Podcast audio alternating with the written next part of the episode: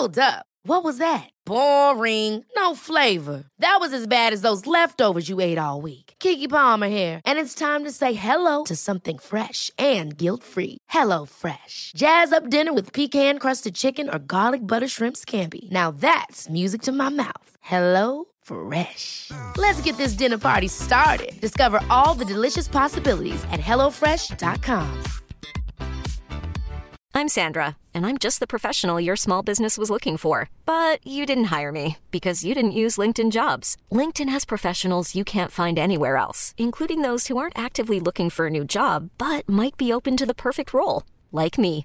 In a given month, over 70% of LinkedIn users don't visit other leading job sites. So if you're not looking on LinkedIn, you'll miss out on great candidates like Sandra. Start hiring professionals like a professional. Post your free job on linkedin.com/achieve slash achieve today. Hi, I'm Daniel, founder of Pretty Litter. Did you know cats tend to hide symptoms of sickness and pain? I learned this the hard way after losing my cat Gingy. So I created Pretty Litter, a health monitoring litter that helps detect early signs of illness by changing colors, saving you money and potentially your cat's life. Pretty Litter is veterinarian developed, and it's the easiest way to keep tabs on your fur baby's health right at home. Go to prettylitter.com and use code ACAST for 20% off your first order and a free cat toy. Terms and conditions apply. See site for details. Hej och välkommen till Teknikveckan. Peter Esse här och eh, idag, eller på kvällen eller på natten när du väljer att lyssna, så har jag Martin Agfors. Eh, hej Martin! Hejsan hejsan! Du är ju fotograf och frilansjournalist på eh, framförallt fotosidan. Ja, jag har jobbat som frilansjournalist i ganska många år men nu senare åren har jag mest jobbat åt fotosidan. Jag har ju kontaktat dig för att eh, jag vill en gång för alla förstå alla begrepp inom fotovärlden. Om vi ska gå i alla begrepp så kan det bli en lång kväll kan jag säga. Ja, precis. Jag tänkte framförallt alla begrepp som mobiltillverkarna svänger sig med. Men innan dess så ska vi väl försöka förstå hur vi har hamnat här med massa fotomobiler. Och, eh, så varför går vi inte tillbaka 100-150 år? Och hur började man egentligen eh, komma på idén att man skulle avbilda grejer på det här sättet? Alltså det, det har funnits eh, alltså en lång rad försök. Där det, man kan säga att fototekniken har liksom kom, kommit fram i massa små start och stopp, eh, alltså sedan medeltiden. Man, det här, någon, jag har för mig bländaren, så här, det här man har använder för att strypa ljus i objektiv, den, den kom fram långt före man hade några kameror till exempel. och så där. Eh, man kan, brukar säga generellt att på 1820-talet började man få igång någonting som vi betraktar som fotografi, det vill säga att man kunde avbilda någonting och få någonting beständigt kvar som påminde om det man hade nu siktat på med utrustningen så att säga. Ehm, och jag, jag, jag kan säga att det, det var i början var ju det stora problemet var att så att säga omvandlingen av ljus till ett färdigt bildresultat var väldigt lågeffektiv så man var tvungen att ha väldigt mycket ljus och väldigt långa exponeringstider. Ehm, det här är ju någonting som fanns kvar långt in på 1900-talet det här att hade såna här, folk skulle ta porträtt så fick de stå uppställda med liksom en ställning som höll huvudet stilla så man stod still de här 30 sekunderna eller vad det kunde ta för att, för att liksom porträttet skulle fastna. Just det, och sen eh, hade man ju de här, eh, man ser hur fotografen gömmer sig under ett skynke. Många sådana klassiska bilder. Det, det är faktiskt, det där ser du nog en del, eh, det är inte sällsynt att du ser hur fotografer göra det än, än idag av olika skäl när du ska kolla bilder på skärmen bak och det är väldigt starkt solljus ute så vill du se liksom hur blir och det är faktiskt samma, det du hade då var ju om man säger en mattskiva, du projicerar ju genom kameran ut på en mattslipad glasskiva och så får du en projektion av bilden. Ehm, men för att kunna se den så var du tvungen att liksom befinna dig i ett mörkt rum så att säga och då, då hade du det här med en duk över huvudet så att säga. Eh, Men jag kan säga jag själv var inte alls länge sedan jag satt, eh, jag säga, senaste söndag satt jag här med en jacka över huvudet och, och tittade på lite bilder i starkt solljus bara för att kolla igenom det. Jag hade satt exponering och sånt rätt på dem. Så det, det, det, det beteendet har inte helt försvunnit kan jag säga. Men eh, jag kan tänka mig att du har varit en hel del i mörkerrum och framkallat. Lustigt, jag har väl själv aldrig varit någon sån här riktig mörkrumsentusiast så som, som många har varit. Det, det, det, finns många som helt enkelt gillar det hantverket kan man säga men jag, alltså jag är uppväxt med att vi hade mörkrum. Min far var fotoentusiast, eh, eller är fortfarande i viss mån, och, och uh, gjorde liksom mörkrum hemma då i någon skrubb. Och, och, uh, så jag, menar, jag minns inte när, men det, det, här var någon gång i mitten på 70-talet om vi säger så. Vad var det för alternativ då? Jag själv vet jag ju klassiskt då när jag växte upp på 80-talet, 90-talet så hade man ju de här uh, kamerorna. Köpte Kodak-film och sen så hade man, lämnade man in den när det var, när det var eh, fullt i rullen. Och sen så fick man både julbilderna och sommarbilderna kanske från två år eller någonting. Eh, i, där på Expert och alla de här. Eh, var det likadant för er som fotade lite mer proffs? Nej, alltså det, det, det blir ju det en, en um, själva den här fördröjningen mellan att, så att säga, ta bilderna och, och, och, se vad man har uppnått med dem. Den, den fanns ju, den har ju funnits för oss alla men um, skillnaden är ju när man, som jag plåtat alltid ganska mycket, så, så det, det, blev ju en kortare ledtider skulle man kunna säga idag då med att, att du, du, gjorde slut på filmrullarna betydligt fortare helt enkelt. Sen är det ju det att eh, det här med att framkalla hemma i, i eget labb till exempel, det gick går ju ofta bra med svartvitt som är en relativt enkel och inte så temperaturkänslig process men att framkalla färg och i synnerhet diafilm var ofta lite svårare och de flesta, jag provade själv aldrig på det överhuvudtaget, de flesta lämnade nog in sånt då. Vad var det för temperatur på färgfilm nu igen? Det, det berodde nog på filmen och det stora problemet var ofta att man inte fick ha för varmt. Eh, och det, där finns det ju väldigt Alltså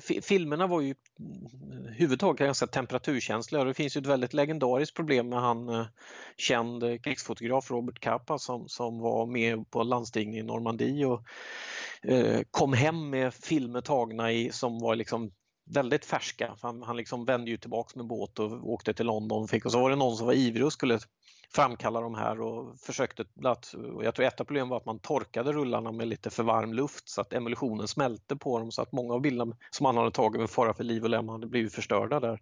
Plus att de som blev kvar blev ju väldigt speciella rent tekniskt och det intressanta är att man väl konstaterar efteråt att det, det vart ju en väldigt speciell effekt i bilderna. De, de, de, de ser liksom extra dramatiska ut och det vart nästan som att man skapade en, en bildstil där helt oavsiktligt. Med, med, att de delvis var så att säga, i in teknisk mening lite förstörda. Eh, men det där, det där har ju alltid varit ett... Eh, det finns många pressfotografer från förr som har stått i badrum någonstans i varmare länder och svurit och spolat, försökt spola kallvatten och få svalare vatten i kranarna för att man ska framkalla filmer i panik och skicka hem till redaktionen och sånt där. Så att eh, det där, det där att framförallt att få tag i svalt vatten har ofta varit ett jätteproblem. Mm, fascinerande. Vi, vi ska snabbt gå vidare. Det är två begrepp från den här tiden eh, som jag vill, har börjat förstå själv efter mycket experimenterande. Um, vilket är intressant för jag har ju jag har kommit in i de här begreppen via film. Um, spela in film med de här kamerorna. Och där är vi då inte riktigt ännu historiken. Men aperture, bländare på svenska va? Mm, precis. Bländare och bländare. Och det är det här lilla... Ja, och det är det här lilla F1. Ja, precis. Och det, det är ju det här eh, ett, ett av problemen ofta i fotovärlden är att det uppstår mycket sådana här, vad ska säga, begreppsförvirring och dessutom så många av begreppen är ganska ointuitiva när man, så att säga, innan man kanske förstår. De, de är halvlogiska när man väl börjar förstå systematiken i helheten men innan man kommer dit så kan det framstå ibland som lite motsägelsefullt och konstigt. Och Bländan är ett typexempel. Det är ju, eh, man kan säga så här att, att eh, bländaren bländaröppningens storlek det är helt enkelt så att säga, hur stort öga kameran ser igenom eller hur stor öppning den ser igenom. Man talar ofta om en öppningspupill där. Ehm, och Ehm, det här F-värdet som du har sett det är ju då dessutom ett bråktal så det är alltså ett genom och vilket är att ju större siffra ju mindre öppning. Så jag menar bländare 22 är, är, den, är den är mindre än bländare 11 om vi säger så. Faktum att den är en fjärdedel så stor. Ehm, och det, det är ju såna underbara grejer där att eh, låt säga att bländare... man kan säga att eh, det, finns ett antal steg och, och, man, alla som är lite matematiskt sinnade kommer väl fort upptäcka att roten 2 inte så händelsevis spelar en stor roll för att du har ofta bländare som går i Eh, man talar väldigt mycket, hela fotovärlden ser väldigt mycket att man talar om steg. Och det är någonting att lägga på minnet att man, man ofta talar om ljusmätning och annat i, i, steg. Och ett steg är alltså en fördubbling eller halvering av någonting. Det kan vara fördubbling av ljusmängden eller en halvering av ljusmängden. Och ett bländarsteg innebär ju då att om du öppnar upp ett steg så släpper du in dubbelt så mycket ljus och stänger du ner ett steg så, så halverar du ljusmängden och släpper in. Och det är händelsevis då just exakt roten ur två mellan de här stegen på den här skalan när du ser F-värdena. Då, så att eh, bländare 2 och 2,8 är ett steg emellan till exempel. När jag filmar så vill jag ha in mycket ljus. Och då ska du välja en så liten siffra som möjligt kan man säga. Just det, liten siffra som möjligt. Problemet som uppstår då är ju att eh, när jag går ner på 1,4 eller vad sa du? 1 genom 4? Eller vad sa du? Ja, det, vad betyder det? 1 ett, dividerat med 1,4. Så när det står f snedstreck 1,4 så är det då? 1 genom 1,4 kan man säga. Och bara för att ta bara en väldigt snabb där. Eh, det går alldeles utmärkt att ha bländarvärden som är mindre än 1 också, vilket många ibland hänger upp sig på att det inte skulle vara på något sätt möjligt. Men det, det är, alltså värdet 1 har ingen sådär överdrivet speciell teknisk mening annat än att det är förbaskat svårt att bygga så ljusstarka objektiv. Okay. ja. För, men vad som händer då är ju att eh, nere på den nivån då så eh, lyckas jag ju, då får jag ju möjligtvis min näsa i tydlig. Medan öronen blir lite suddiga. Precis. Medan om jag går upp då så kan jag ju få hela, hela sommar, eller hela fältet eh, fullt. Ja, Men då exakt. kan jag bara göra dem utomhus. Annars blir det mörkt. Det där är ju egentligen, alltså vad det handlar om är att priset för att öka ljusinsläppet är att du får ett kortare skärpedjup, alltså att den del av bilden som befinner sig i fokus blir kortare. Och Eh, det du så att säga vinner på att blända ner som man då säger, eller alltså att minska bländaröppningen, det är att du får ett större skärpedjup. Um, ehm, och eh, jag ska, inte ens ge mig in på den matematiska bakgrunden till det här men enkelt uttryckt så handlar det lite grann om så att säga, vilka informationsmängder du släpper in eller, eh, eller om du ökar eller minskar informationsmängden du släpper in. Men, så enkelt uttryckt så är det ju det att ju mindre siffra du har som 1,4 till exempel är mindre siffra än 2,8 så får du ett kortare skärpedjup. Och eh, det innebär ju, och det där är ju någonting man ofta eftersträvar också lite grann för att just det suddar ju ut bakgrunden väldigt effektivt. Så att du, du ska ta en porträttbild på någon och bakgrunden är lite rörig och störig så kan du så att säga sudda till den. Ju, ju större sån här bländaröppning du kan uppnå ju mer kan du sudda ut bakgrunden. Jag blev ju lite retad, jag skulle nästan säga lite mobbad av mina onda kollegor här på Teknikveckan. För jag uttalade bouquet fel förra podden.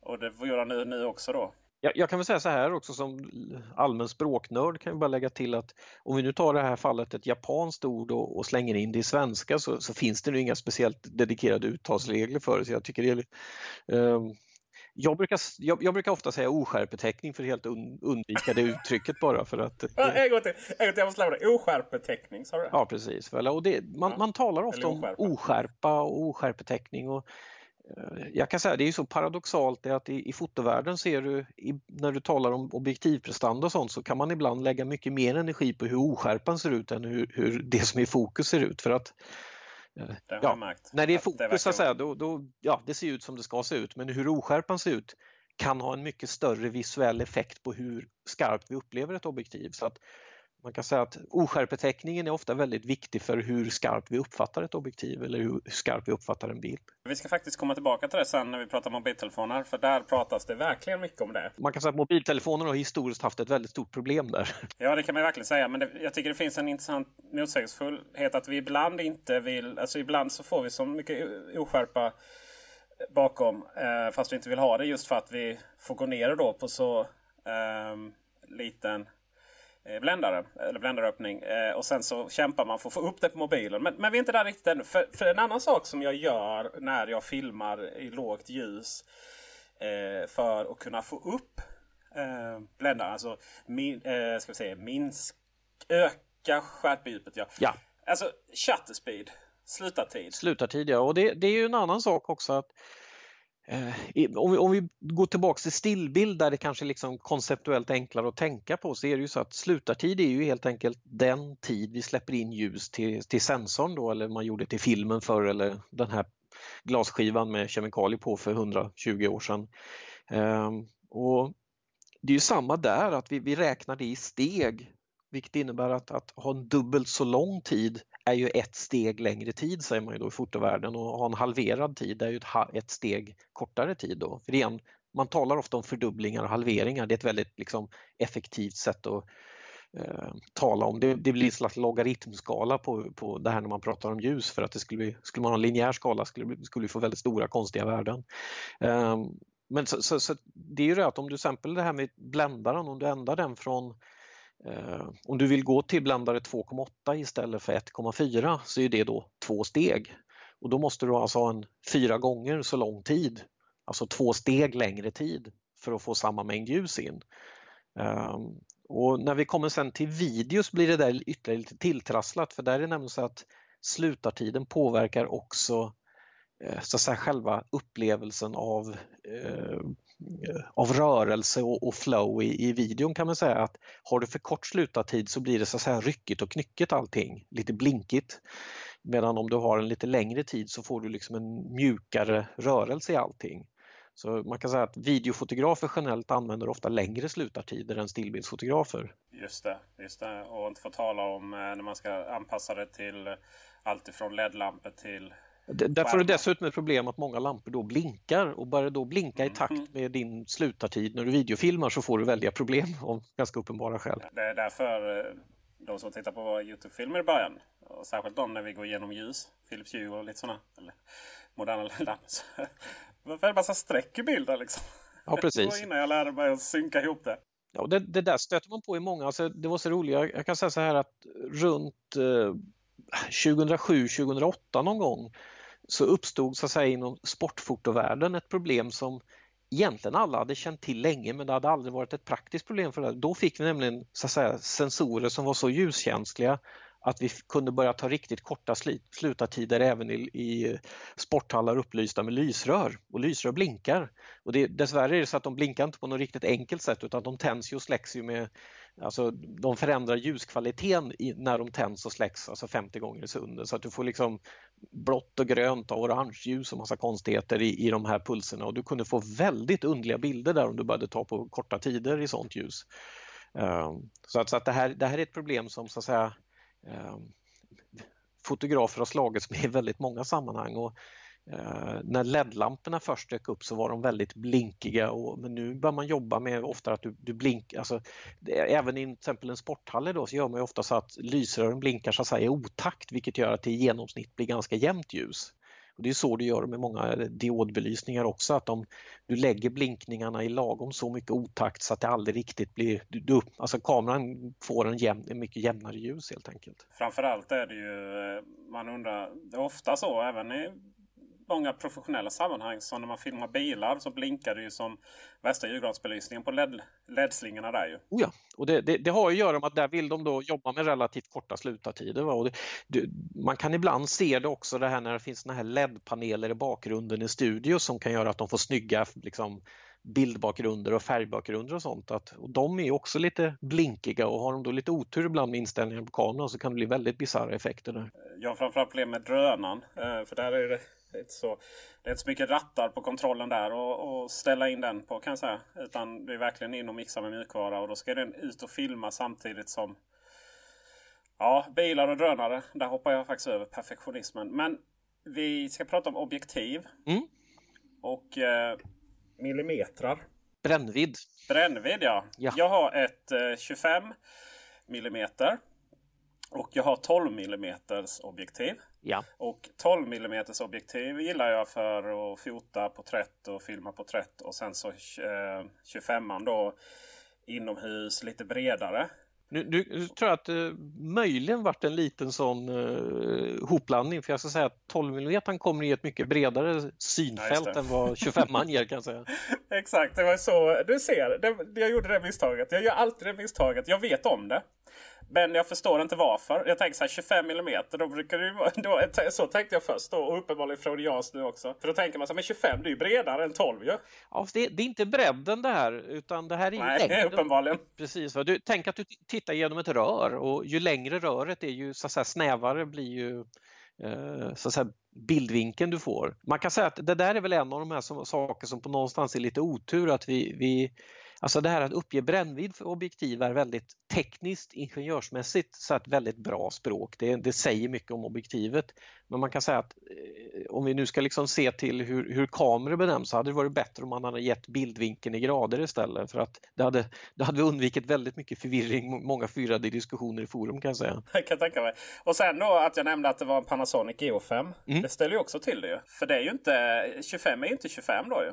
25 är alltid 25 kan jag säga. Däremot så är det så här att 25 mm på den Panasonicen du har ger en annan bildvinkel än det ger på vad man då kallar en småbilds eller fullformatskamera till exempel. Men det är ju inte, man kan säga objektivet fortsätter att vara 25 mm alldeles oavsett. Det är däremot att en och samma brännvidd kan ge olika bildvinklar. Uh, och det, det, är där jag var inne på lite, det här att det hade varit bättre om man hade pratat om bildvinklar från början så hade vi sluppit mycket förvirrade diskussioner här. Med, för att uh, ofta ser det ju så att ja, men ditt 25 mm objektiv är inte så användbart på en småbildskamera så att man behöver egentligen inte fundera så mycket på vad, vad det objektivet gör. På. Men var kommer begreppet småbildskamera från? Med tanke på att den här då med sin lite... Det, det du har är en fjärdedel av småbild. Uh, det, här är, det här är faktiskt från den alltså kemiska filmen om vi talar liksom Kodak-film och sånt. Uh, begreppet småbild är uh, det, det är sån typiskt då igen det här, jag sa att det finns mycket begreppsförvirring och många begrepp som är ganska ointuitiva och där har vi ett klassiskt av men man brukade förr på filmtiden skilja på småbild, mellanformat och storformat. Och mellanformat var ju det till exempel många känner igen från gamla Hasselbladar och såna här kameror som man hade alltså en film som var nästan 6 cm bred. Medan småbildsfilmen är ju runt eh, lite knappt 30 mm bred. Eh, och, och, du hade storformat, det är sådana format där uppe liksom i halva A4 och sånt i, i stora filmblad. Eh, och att den hette småbild var ju att det var ju det lilla formatet på den tiden. Nu med sensorernas intåg så är ju småbild ett ganska stort format. Eh, småbild är ju, det är inte det största men det är i alla fall, man kan säga, i konsumentkameror ofta det största sensorformatet vi använder och det är lite märkligt att man då kallar det småbild. Eh, och att, att jag använder det eh, beror på att det finns ett annat ord man ofta använder som faktiskt bara är ännu mer förvirrande och ännu mer rörigt och det är det här fullformat som man ofta säger. Och det, det, det i sin tur kommer egentligen av engelskans full frame som, som har att göra med att småbild har ofta blivit en slags, eh, vad ska jag säga, eh, universell mätnivå. Det, det, är ett format som har varit väldigt vanligt och det har gjort att man så att säga, relaterar saker till det.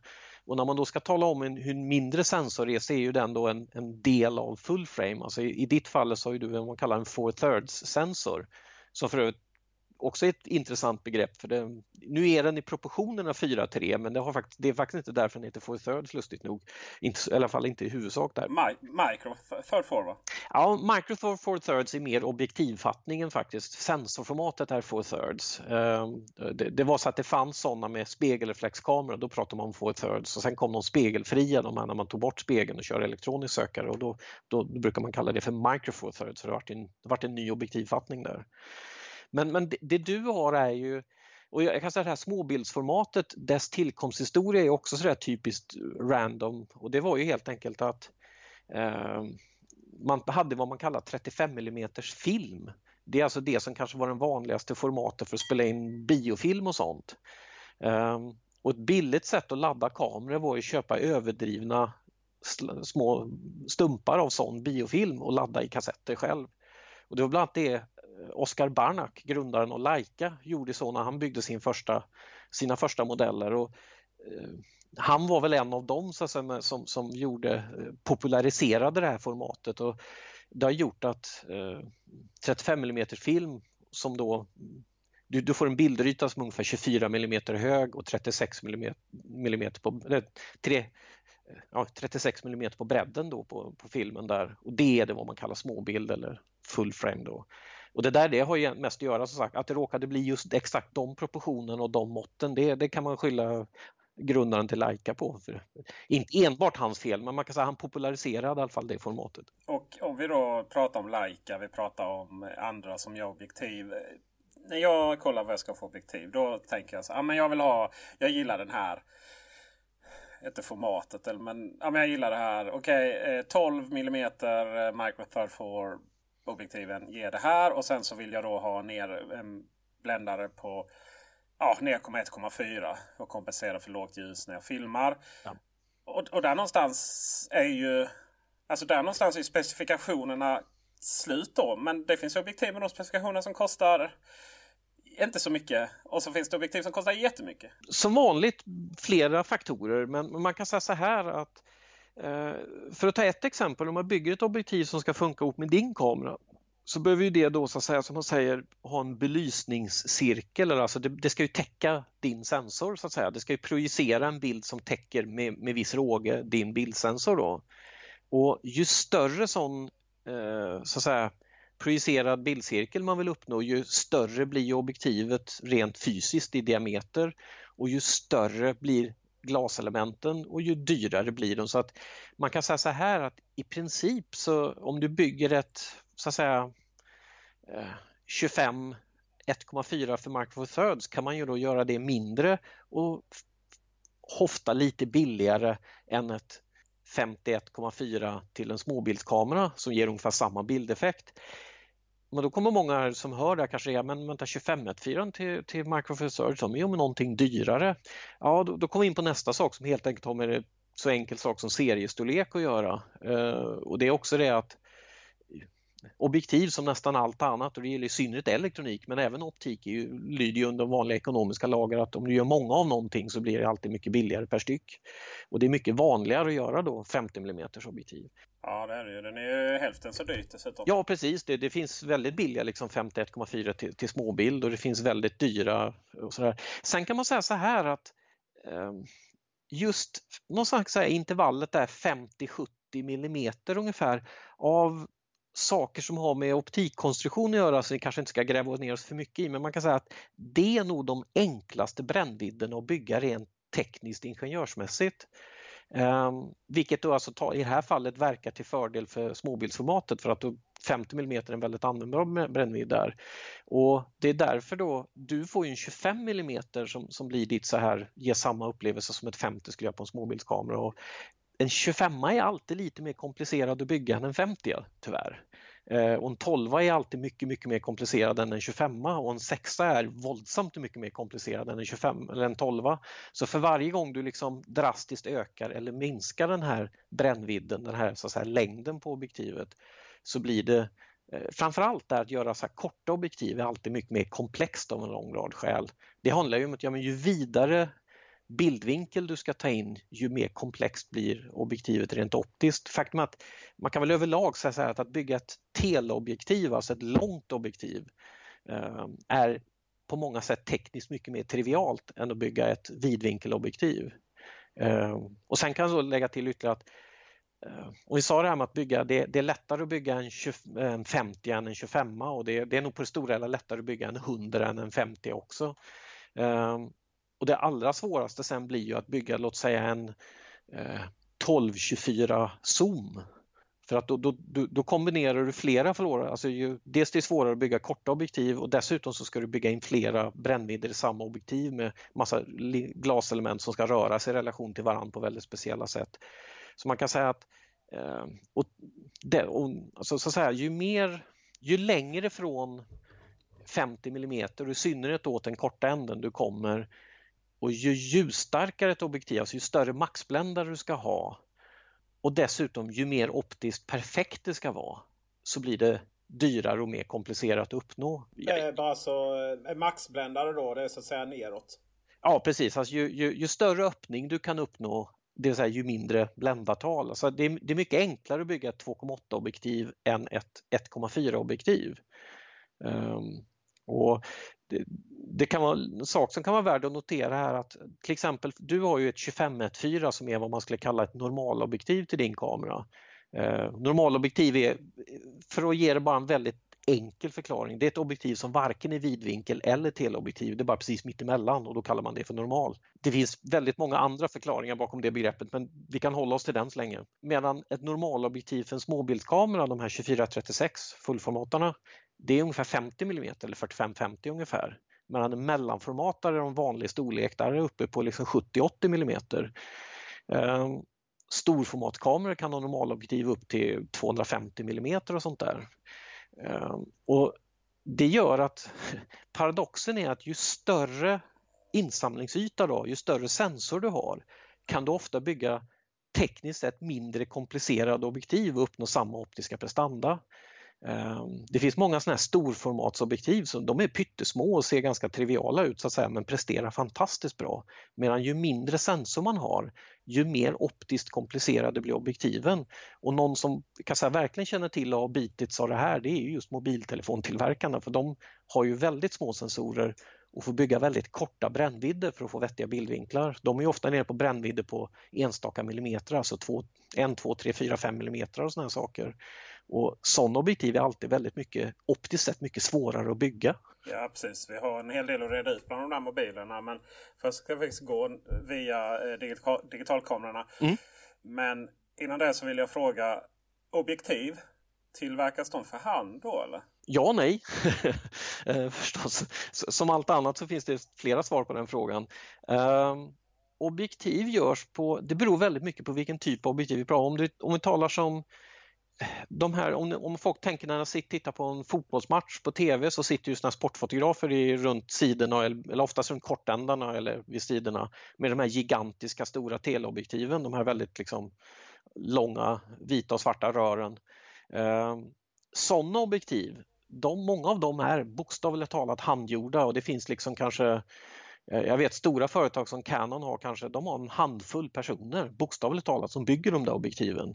Ehm, och, och, medan om vi tar såna här som objektiv som man ofta kallar paketobjektiv eller kitobjektiv så skickas med kameran när du köper en sån. Det finns eh, ja, enkla små mittemellan-zoomar som du får med när du köper kameran. De kan vara ganska nästan helautomatiskt byggda. De, de kan byggas i så att säga, väldigt automatiserade processer. Ehm, och det har att göra med helt enkelt att de där stora telerna de görs i så otroligt få exemplar så att det lönar sig inte att bygga upp Eh, att automatisera den tillverkningen. För att det, det, det är bokstavligt talat några få människor som sitter och bygger några sådana där i veckan. Eh, och Det är ungefär så stor produktionen är och det finns, liksom ingen, det finns ingen ekonomi att automatisera det.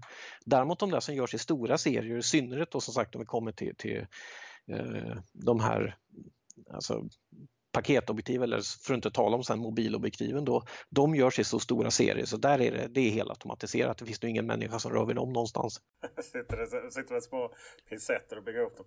Jag har ett, eh, kan det vara ett 14 eh, upp till 140 Ja, 1440, klassisk zoom ja. från Panasonic. Just det. Eh, bländare på, jag får ju aldrig rätt så jag säger 3,5 till 5,6 skulle jag tro om jag får gissa. Ja, ah, 4. Ja, där ser man. Ja, men det var nära. Ja. Om jag sätter den på 25 mm och så tar jag mitt, eh, min 25 och sätter upp bländaren till 4. Blir det en identisk bild? Likadan? De, du får samma bildvinkel, du kommer få samma skärpedjup. Eh, alltså de tekniska egenskaperna på det sättet är helt identiska. Eh, däremot så kan det nog vara så att, så att säga, Zoomen har förmodligen mer optiska fel där än vad det fasta objektivet har. Eh, saker som distorsion, alltså det här lite bildkrökning, eh, vignettering, att det mörknar ut mot hörnen. Eh, jag skulle gissa att det där lilla fasta objektivet förmodligen är skarpare över en större del av bildytan. Alltså du, har en högre nivå av skärpa på en större del av bildytan men är på samma bländare och så. Eh, och det där är igen det är den här kompromissen att det är mer komplicerat att bygga en zoom. Så skulle du bygga en zoom med samma prestanda som det fasta så skulle den bli för dyr och då, ja, så blir det en dålig kompromiss. Så man kan väl säga som väldigt grov tumregel det är inte alltid det här stämmer helt som allt annat så finns det ju alltid massa undantag som bekräftar regeln men som väldigt generell grundtumregel kan man nog säga att fasta objektiv tenderar att vid samma brännvidd och samma bländaröppning vara skarpare än zoomar. Vi hoppar över då till digitalkameran när man håller fast vid objektiven. Varför måste jag aktivera autofokus på många av objektiven? Ja, eller frågan är snarare varför du någonsin avaktiverar. Ja, ah, det kommer avaktiverat.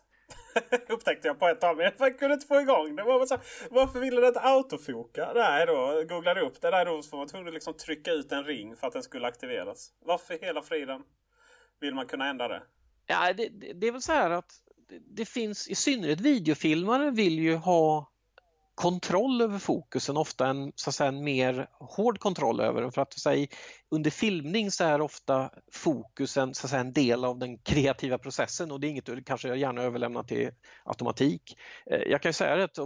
Det ändrar jag ju på kameran, huruvida den ska autofoka eller inte. Liksom, ja, precis. Nej, så att, att, att, att, man har kvar manuell fokus, det finns det väldigt många skäl till. Kan jag säga. För det, det är så här att man ska komma att jag brukar säga att autofokus, det här AF som, som förkortas då, nästan bättre att kalla för assisterad fokus. För man kan säga att det är ett system som försöker hjälpa dig att sätta fokus men faktum är att den, eh, den vet ju kanske inte alltid vad det är exakt du är ute efter. Den, den gör ju bästa gissning helt enkelt att han vill nog ha fokus där ungefär, det verkar logiskt. Eh, och Sen kanske inte var alls det du vill uppnå va? och det finns lägen där manuell fokus helt enkelt är säkrare. Och eh, jag kan säga att det, det, finns alltså professionella sportfotografer av lite old school typen som till denna dag fortsätter att ofta köra manuell fokus för att de tycker att de får bättre koll eh, på det sättet. Alltså, de, de litar inte riktigt på automatiken i alla lägen.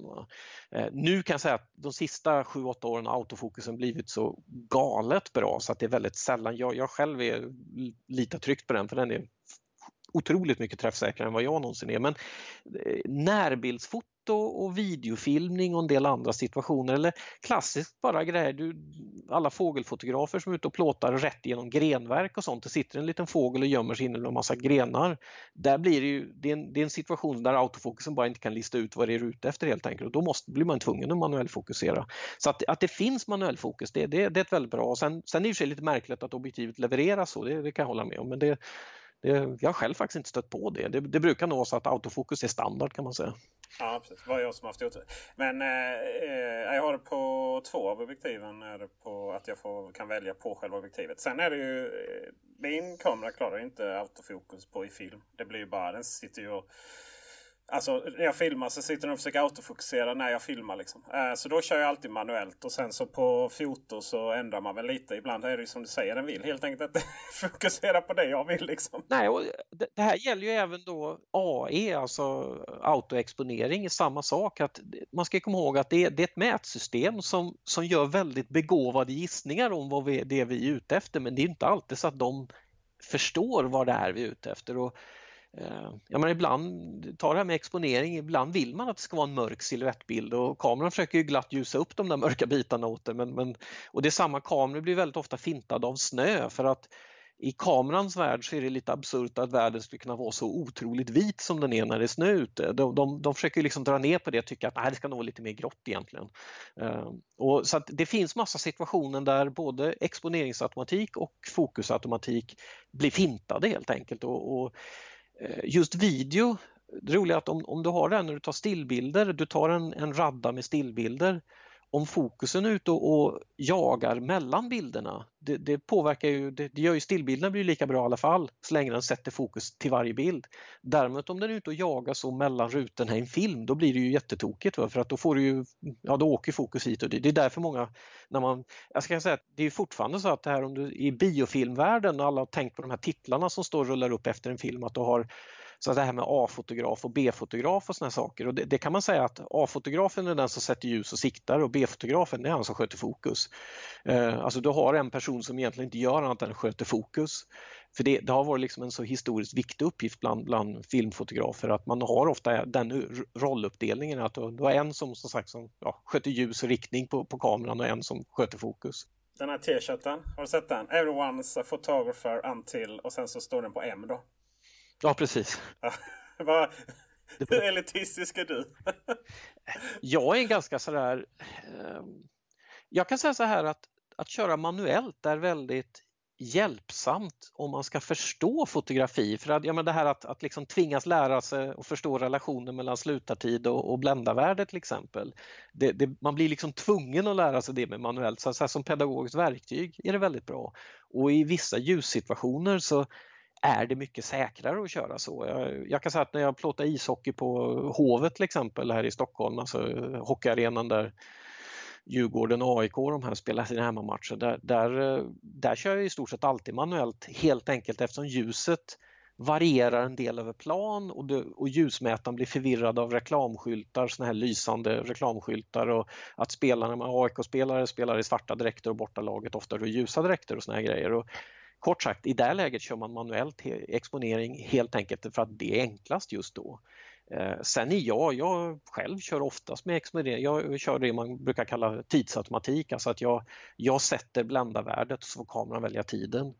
Eh, jag, själv, jag, min huvudfilosofi när det gäller det där, whatever works, funkar det så är det en bra metod man använder. Vad skönt. Jag, bortsett från film, eh, jag kommer ju från filmhållet, men det är också så här eh, Bländaren sätter man väldigt gärna och sen så enda gången jag håller på att ändra slutartid så är ju när jag måste matcha ihop det med eh, tvs skärm och sånt så det inte fladdrar. Ja, precis. I och med digitalkamerornas intåg så hände ju två saker.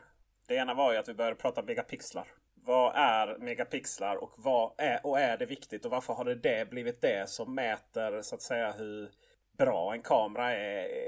Ha, gjorde i början. Jag skulle inte påstå att vi pratar så mycket megapixlar i dagsläget när det kommer till de Nej, och det, Förklaringen till det sista, att vi pratar mindre om det idag, är väldigt enkel. Vi har helt enkelt kommit upp i så mycket av det så att eh, man kan säga så här att historiskt, om vi backar bandet, um, fotografi, alltså i synnerhet om vi backar tillbaka till hundra år sedan och sånt där, så var fotografi en verksamhet där man slogs mot ständiga brister av precis allting. Man hade brist på ljus, man hade brist på så att säga, optisk prestanda, man hade brist på, på bländaröppningar, alltså man, man kunde inte bygga tillräckligt ljus. Här, man, det var svårt att bygga 1,4 objektiv till exempel.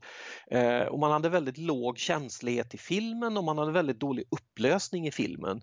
Så att så här, det som har hänt i digitaleran att många av de här, vi har gått från att leva i en konstant brist på, på Eh, all, allting till att plötsligt ha ett överskott av saker. Och just megapixlar det är, det är egentligen alltså helt enkelt antalet bildpunkter i, i bilden. Och det är ett eh, så här grovt mått på hur hög upplösning du får, hur hög detaljrikedom du kan uppnå i dina bilder. Och vad vi som har hänt nu de sista tio åren give or take, är att vi är uppe i så höga upplösningar så att det har helt slutat att vara en bristvara och då pratar man ju mindre om det för att det blir helt enkelt, det är lite som man ska säga, hästkrafter i en bil, har du väl liksom 200 eller fler så så spelar det ingen större roll när du sitter i en bilkö hur många du har. Va? Det, det är liksom, för många vardagssituationer så är det ingen större skillnad att ha 200 eller 400 hästkrafter. Det är först när du kör på en tävlingsbana eller du ska göra en omkörning någonstans som, som den skillnaden blir viktig. Det blir alltså bara färre och färre situationer där prestandan blir viktig. Medan om vi tar igen med bilarna, på den tiden vi hade 20-30 hästkrafter i bilarna så var ju skillnaden mellan 25 och 50 hästkrafter, den, den skillnaden märktes i väldigt många situationer. Det är samma med megapixlar. De första, min egen första digitalkamera den var ju på 1,3 megapixlar, så den hade 1 300 000 bildpunkter ungefär. Eh, och att gå från det till nästa kamera som hade 4 miljoner, det var en jätteskillnad. Det var ett enormt steg i bildkvalitet. Att sen därifrån gå upp till 6 megapixel var ju fortfarande en tydlig förbättring. Och sen hade jag 10 megapixel och det var ytterligare en förbättring och sen hade jag 12 som jag använde fortfarande en kamera med 12 megapixel. Eh, senast sagt när jag plåtade här i söndags. Eh, det klarar man sig ofta rätt bra med och har man sen 24 eller 36 eller 47 eller 61 eller det finns kameror med uppåt 100 som säljs. Eh, då är man liksom i, det är lite som igen, det blir skillnaden av har du 250 eller 350 hästkrafter i din bil, ja kör du till och från jobbet så märker du ändå ingen skillnad så att säga. Va? Ja, just det. Um, det andra som blev i och med digitalkamerorna var ju att helt plötsligt var det någon briljant person eller, eller flera som kom på att varför börjar vi inte filma med de här kamerorna? Var det Canon som var först ut? Fem minuters film innan den blev överhettad? Filmning med digitalsensorer fanns faktiskt före vi hade digitala stillbildskameror för det var digital video man började med faktiskt. Så, att, så filmen fanns före stillbilden där skulle jag nog nästan säga. Eh, däremot så eh, var det mer använt, eh, alltså tänk på att vi hade ju i princip små webcams nästan innan vi hade eh, heter det, stillbildskameror som, alltså som din GH5, och en systemkamera och sådär. Eh, och det som däremot hände var att det tog ett bra tag innan vi kunde börja fånga film med större sensorer, alltså med en större yta. Eh, och det Canon var först med att de var en av de första som filmade just med en småbildssensor. Eller jag ska inte säga att de var först, men de var de första som gjorde, igen, de populariserade och de fick till en väldigt lyckad modell med en kamera som heter EOS 5D Mark II. Så att säga, som, som, eh, det, det, det är ganska talande att eh, det finns en stor sajt som, som, som skriver om sån här alltså, entusiastvideo som heter EOS HD och det har att göra med just att den här, den här kameran heter ju EOS 5D Mark 2 och den filmade i just HD då. Eh, så man, man, döpte hela den sajten till EOS HD. Sen, sen är det roligt att idag är ju liksom det namnet kan tes nästan lite märkligt då för, för de, de, de, skriver mer om andra märken idag som typ din GH5 är nog mer populär kamera på den sajten. Och 4K. Ja precis. GH5 4K. Eh, varför eh, är det så många kameror som spelar in max en halvtimme och i det så delar man upp filerna?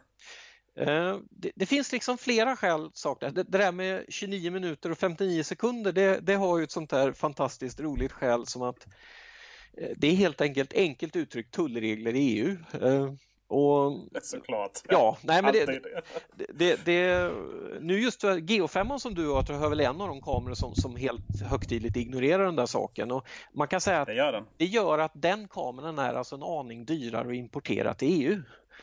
Uh, nu tror jag dessutom de reglerna faktiskt har ändrats. Jag tror att de där grejerna kommer att försvinna. Sen kan man säga så här att de flesta av de här tidiga kamerorna som filmade kunde ändå inte filma så många minuter innan sensorn blev överhettad så de var tvungna att stänga av efter 7, 8, 10 minuter i alla fall. I synnerhet när du tog ut video med hög kvalitet. Ju högre kvalitet du tar ut så blir du så att säga, mer effektkrävande och då blir sensorn varmare. Sen där att få dela upp filerna, det, det, har att göra med en annan sån här arkan härlig detalj att vi kör ju filsystemet FAT, ett väldigt, väldigt gammalt, eller FAT32 egentligen, men i grund och botten ett extremt gammalt och omodernt filsystem på minneskorten. Och jag kan säga det, det är ett ämne som är avdelningen Don't get me started. Eh, det finns så mycket som är dumt. Eget, eget avsnitt på det. Kanske. Ja, alltså, jag kan säga så här, det, som många säkert lagt märke till, jag noterat att alla filnamn inklusive namn på videoklipp på, från kameran eh, håller ju det väldigt gamla formatet 8 plus 3, det vill säga 8 tecken, punkt och så en 3 teckens filtyp. Och det har också att göra med just det här att det, man säga, det finns en gammal standard där som ingen riktigt orkar ta tag i och komma runt. Så att säga. Så att vi fortsätter att spara filer som om vi hade en gammal eh, PC-DOS-dator från mitten på 90-talet. Uh, eh, och det här att vi är tvungna att dela upp filmklippen det är ju helt enkelt att det filsystemet klarar inte filer större än, om jag minns det rätt nu, 2 gigabyte. Och ett långt filmklipp kan fort bli större än så. Då måste man dela upp det i flera filer för att så att säga hanterar det filsystemsmässigt. Då. Så det, det är ingen teknisk begränsning i kameran egentligen. Fyra minuters klipp på, med 4K. Ja, och det beror på vilken kvalitet du väljer. Om du, om du väljer en högre bitrate så blir det ännu kortare och väljer en lägre bitrate så får du längre klipp på, som är, ryms inom de här 2 gigabyten. Då.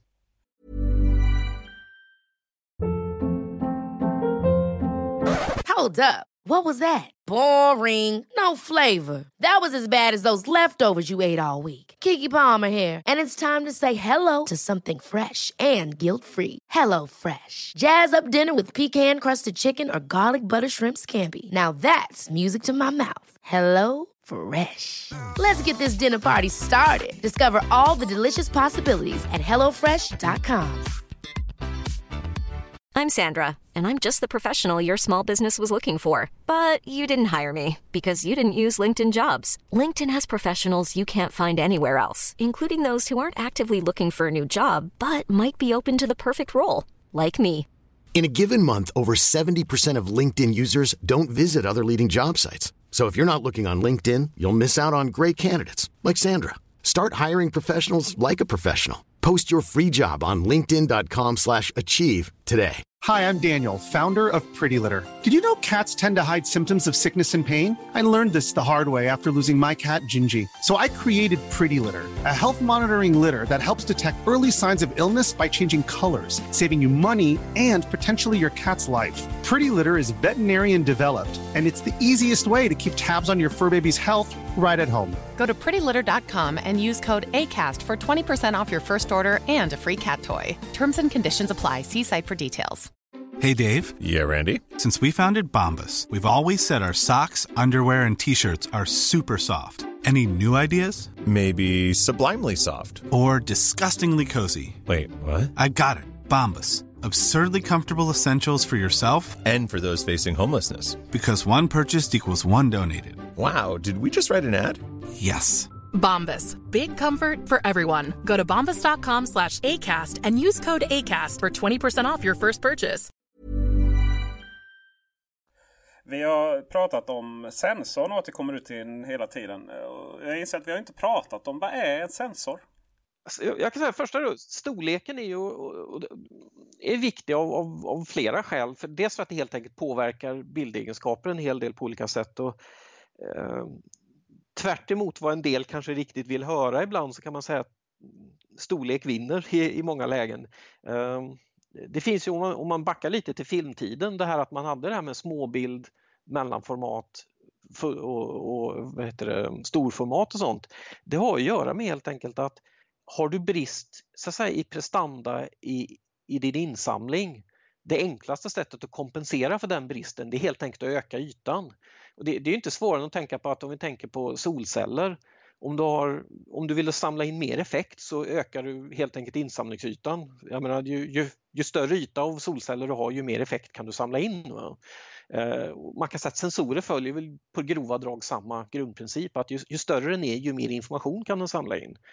Eh, det som har hänt med sensorer jämfört med film är ju att idag kan vi uppnå bättre prestanda. Du kan ju uppnå bildprestanda i din for third-sensor som är bättre än vad kanske en tio gånger större yta med eh, kemisk film någonsin kunde uppnå. Ehm, och det är en teknikutveckling och det är det som har möjliggjort mobilerna då, till exempel att vi kan ha så små sensorer där för att så, så liten insamlingsyta på filmtiden hade bara, det hade bara gett ett väldigt dåligt resultat. Sen för att sensorn rent som så att säga, Eh, produkt. Jag brukar säga att om man ska retas lite, vi pratar om att vi har digitalkameror och jag brukar säga när jag ska prata om sensorteknik att glöm inte att sensorn i grund och botten faktiskt är analog. Eh, Tråga på allt är den färgblind. Eh, och då undrar man ju 17 kan vi ut få färgbilder av den där men det, det är faktiskt det finns mycket så att säga, roliga teknikspår och det finns en man som dog relativt nyligen, det är ett och ett halvt år sedan nu, som heter Bruce Bayer som jobbade på Kodak på 70-talet och tog fram en matematisk modell för att så att säga räkna fram färg när man inte hade riktigt färg. Eh, eh, och det, hans, det är därför vi talar ibland om Bayer-sensorer för det är det vi oftast använder i kamerorna idag. Eh, det är efter Bruce Bayer. Det var nämligen alltså någon på 70-talet, långt före vi hade några liksom dedikerade digitalkameror som hade räknat ut hur vi skulle få ut färgen ur dem och sådana saker. Alltså sensorn är en kiselplatta. Det är en du, du, tillverkar den faktiskt i processer som påminner mycket om att göra väldigt mycket annan, eh, ele, alltså eh, elektroniska kretsar.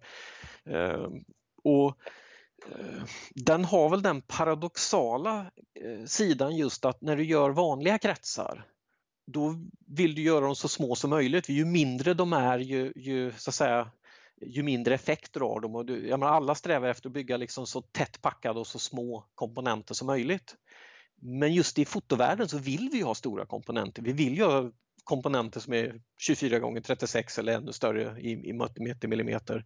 Så att sensorer är på ett sätt väldigt paradoxala som elektroniska komponenter men vad du gör är att du har helt enkelt vad man kallar fotodioder. Det är alltså ljuskänsligt material som eh, när det träffas av ljus så byggs det upp en laddning i dem.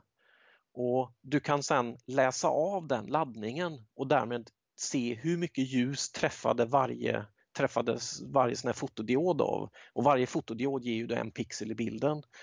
Ehm, så att vad du har är egentligen en, en, en, stor ljusmätare med ett stort rutnät av små individuella ljusmätare. Och genom att mäta ljuset på väldigt många små punkter så kan du se liksom var, var är det mörkt, var är det ljust och så kan vi räkna ut en bild ur det. Då. Sen, eh, sen finns det, man kan tala om FSI-sensorer och BSI-sensorer och stackade sensorer och vi har CMOS och förr hade vi CCD-sensorer. Och eh, jag tror inte vi ska gräva ner oss för mycket där men vad det i grund och botten handlar om är att vi får sensorer som har blivit allt mer effektiva, allt mer tätpackade, alltså fler megapixel och som faktiskt blir allt effektivare på att omvandla ljus till signal. Alltså den här vad ska jag säga, signaleffektiviteten har blivit bättre över tid. Ehm, och sen kan man säga att det som händer just nu som tekniktrend är väl att man kanske inte riktigt kämpar så hårt med antalet megapixlar längre i och med att vi, som sagt vi redan vi är ganska hemma där, vi behöver inte så många fler. Ehm, det kommer bli fler men det, liksom, det är inte så stor press. Däremot jobbar man just med hur snabbt vi kan läsa ut data, alltså läsa ut laddningar från sensorn. För det är det som har möjliggjort video till exempel, att vi kan läsa ut sensorn 24 eller 30 eller 50 eller eh, 60 gånger eller 120 gånger i sekunden det ställer väldigt höga tekniska krav på sensorn och det, det, är där väldigt mycket pågår just nu. Man är ju nere på nivå där vi kan göra så snabba utläsningar av sensorn så att eh, du kanske inte längre behöver en mekanisk slutare, alltså den här som styr eh, exponeringstiden, slutartiden, utan att du kan ha en, du styr det direkt i sensorn. Det, det görs redan, det har gjorts länge men det, det har massa sidoeffekter när, så länge utläsningen är långsam. Och det finns någonting man kallar Global Shutter eller global slutare som är en sån här holy grail i, i sensorteknik att alla vill uppnå. Um, men, men enkelt uttryckt, sensorn är en, eh, tänk dig den som en stor ljusmätare som kan mäta infallande ljus i väldigt många små tättpackade punkter och utifrån det räkna ut, liksom, kan den så skapas en bild av det som, som ljuset som faller in. Det, det är vad en sensor gör. Det här man pratar om spegellös eh, kontra DSLR. Ja, DSLR står, det är ju då SLR är Single Length Reflex. Och det SLR-kameror har ju funnits sedan 1950-talet och det är det vi kallar på svenska för spegelreflex. Ehm, det har ju helt enkelt varit ett, ett problem inom foto att du vill ju gärna se det som din kamera ser. Det vill säga du vill ju titta ut genom objektivet men samtidigt så ska du kunna leda ljuset till filmen för och sensorn numera. Så det blir ju det att du, någonstans måste du liksom, förr var du tvungen att dela upp det här då med en spegel att när du tittade i sökaren så gick ljuset via en spegel till sökaren och så när du skulle ta bilden fällde man upp den spegeln och så gick ljuset till filmen istället. Eh, en spegelfri kamera är ju helt enkelt att nu kan vi läsa ut bilden direkt från sensorn och visa det i en elektronisk sökare och då kan man hoppa över spegeln. Eh, så att man kan säga spegelfria kameror har egentligen alltid funnits. Eh, de första kamerorna var definitivt spegelfria. Det var snarare att spegeln har varit en slags extremt praktisk workaround som vi har använt i 50-60 år och kommer nog fortsätta använda för vissa saker i, fortfarande i 10-20 år till. Men man kan säga att idag med den sensorprestanda och de elektroniska sökare vi har idag så, så kan man hoppa över spegeln och då slipper man en väldig massa mekaniska komponenter och en väldig massa krångel. Eh, för det är ju så att eh, jag, jag, kan säga så här för det är ett typexempel att Eh, när Nikon en gång eh, 2012, de släppte ett system, ett litet spegelfritt system som aldrig blev någon stor succé i längden som hette 1-systemet. Men en rolig sak där som, som var lite så talande för den här moderna tekniken var att eh, jag vet den, den, enkla konsumentmodellen där dök det fram uppgifter senare, att den, den bestod bokstavligt talat, jag för mig det var 89 komponenter. Hela kameran bestod av 89 delar. That's it! Och ja, bara spegelmekanismen i en sån här SLR-kamera eller spegelreflex kan ju bestå av ett par hundra delar och då är det bara spegeln vi talar om. Alltså små alltså spegel och slutare. Så att, att, att, bygga spegelfria kameror är ju helt enkelt en, ett sätt att slippa en krånglig workaround som vi har slagits med nu i 50 år. Men om vi tar Nikon. Jag tänkte vi skulle gå igenom jättesnabbt här innan vi går in på mobiltelefonerna. Eh, var inte det en grej när Nikon lanserade sin nya spegellösa. Hade de inte haft spegellösa innan eller vad var det man lanserade? Alltså, man kan säga så här, att, alltså, ta så här, kompaktkameror, alltså de här små kamerorna, fickkamerorna vi haft, de har i stort sett alltid varit spegelfria. Eh, så att jag menar, spegelfritt som idé är egentligen inte så jättenytt. Det som hände för lite drygt tio år sedan och det var faktiskt Panasonic som lyckades vara först ut där. Det var att man byggde just en, en modern spegelfri systemkamera med elektronisk sökare, eh, Panasonic G1 som visades upp på Fotokina 2008. Det var liksom den första moderna spegelfria systemkameran. Eh, sen kan då många Leica-entusiaster fnysa lite irriterat och påka att Leica M-kameran, de har faktiskt varit spegelfria sedan ja, 20-30-talet någon gång. Eh, så att, så att jag menar, Leica M-systemet har alltid varit spegelfritt till exempel. Eh, så att, men man kan säga igen, de var betydligt senare än Panasonic med att bygga en elektronisk sökare i sina kameror.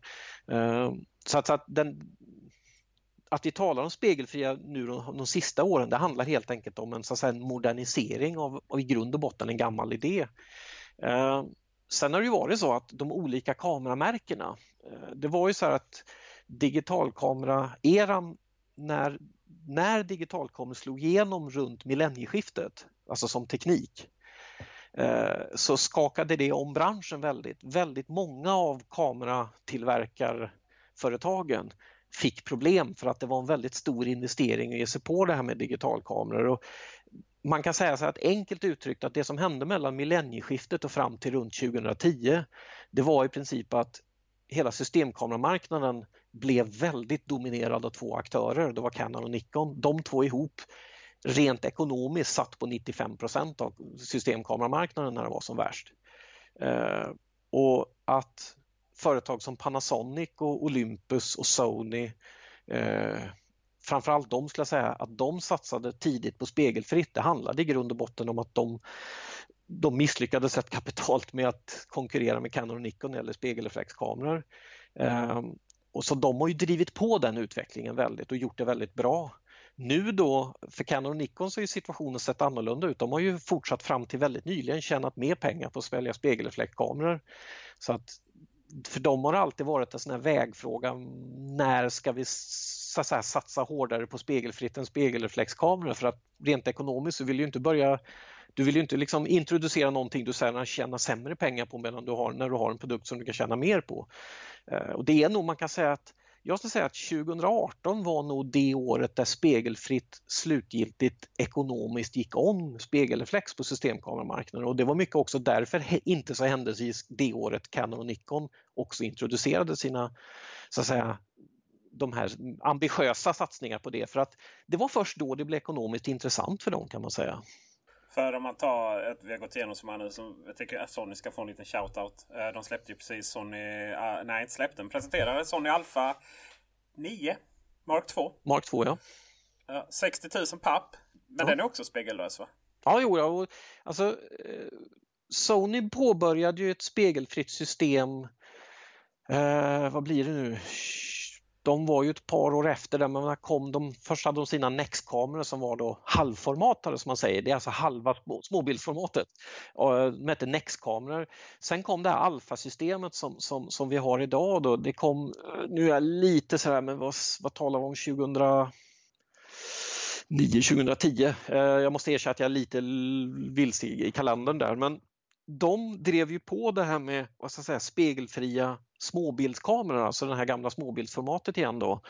Eh, och efter liksom ha stretat på, man kan säga så här, det märks att Sony som koncern har satsat väldigt stora resurser på det här. Det märks att kameradelen har fått investeringar som inte riktigt kanske står i proportion till vad de drar in men det är väl man ser en långsiktig grej i det här och det, det kan ju tilläggas att vi eh, japansk företagskultur kan ju sig en del från vår. Vi har ju klassiska exemplet med Olympus. Som alltså, man kan säga Olympus är i grund och botten ett optiskt medicinföretag. De gör optiska lösningar för, för så att säga, medicinbranschen.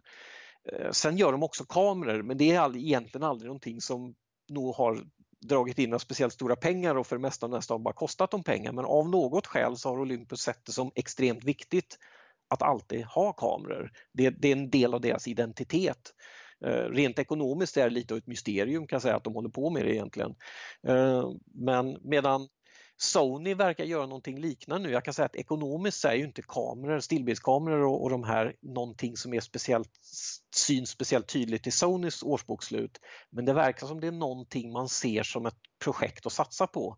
Och de har gjort, jag kan säga, de har gjort en väldigt ambitiös och eh, de har helt enkelt drivit på utvecklingen väldigt. Sen hör det ju till saken att en annan del av Sony, Sony Components som man brukar kalla dem lite slarvigt, alltså en annan division av Sony, är ju också väldigt dominerande när det gäller att tillverka de här stora sensorerna som småbildssensorer och mellanformatsensorer och sånt.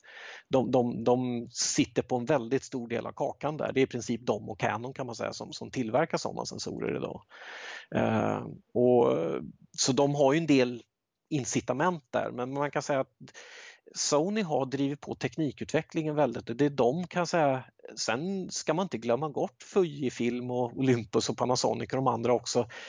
Ehm, det, det, är till exempel, jag kan bara säga som en parentes att om, du, om någon här får för sig att starta ett eget kameraföretag och börja bygga kameror, ni kommer att behöva använda väldigt mycket patent från i princip alla kameratillverkarna och i synnerhet Fujifilm som sitter på en sjuk massa patent på olika tekniklösningar. Det är, Fujifilm är ju bland annat företaget som utvecklade både autofokustekniken i de spegelfria kamerorna, de, det var de som utvecklade tekniken med ansiktsigenkänning och såna saker. Så de, de, så Fujifilm må inte vara kanske en dominerande spelare på kamerabranschen rätt ekonomiskt men de är en väldigt stor spelare teknikmässigt.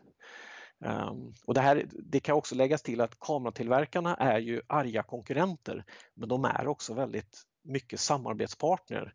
Ehm, Canon och Nikon som alltid har slagit som yrkesfotografer har ju haft märkligt lätt att samarbeta kring teknik för bildstabilisering, objektiv och autofokusteknik och sånt. Och det beror väl på att bägge sitter på väldigt stora patentportföljer där. Och alla samarbetar ju med Fujifilm när det gäller färgfilter och ansiktsigenkänning och sån teknik. Och alla utom Canon i princip, eller ja, Canon också faktiskt när det gäller vissa typer av kameror, jobbar ihop med Sony när det gäller sensorer. Och eh, du kan inte, ska du bygga sensorer så måste du också använda en till teknik från Panasonic händelsevis som sitter på mycket teknik där. Och kort sagt, det här är en bransch där alla byter teknik med varann och man kan till exempel säga att Nikon och Sony har ju ett väldigt, väldigt gammal relation. De, de har jobbat ihop kring Alltså Nikon tillhandahåller väldigt mycket teknik som Sony använder just för kretstillverkning. Nikon är väldigt nämligen stora på sån här optik du använder för kretstillverkning, litografioptik och sånt. Ehm, så att man kan säga, alla de här företagen har väldigt mycket tekniksamarbeten under ytan, även om de så att säga, är arga konkurrenter på, på eh, så att säga, konsumentprodukter. Då. Så är det ju. Och det är, så är det ju även med mobiltelefoner. Sony tillverkar ju väldigt mycket, väldigt mycket sensorer. Och, och ska du ha minnen och sånt så kommer du köpa Samsung-komponenter och, och, så vidare. Och så vidare. Och färgfilter använder du förmodligen teknik från Epson och från Fujifilm skulle jag tro. Det som fascinerar med mobiltelefonerna är att vi har kommit tillbaka till ett megapixel-race igen ju. Och det som jag ännu mer fascinerar mig över är att iPhone har 12 megapixlar på alla kameror. Vi har ett gäng 24 megapixlar. Och nu så tävlar man om att få upp dem på 42 megapixlar, även 68.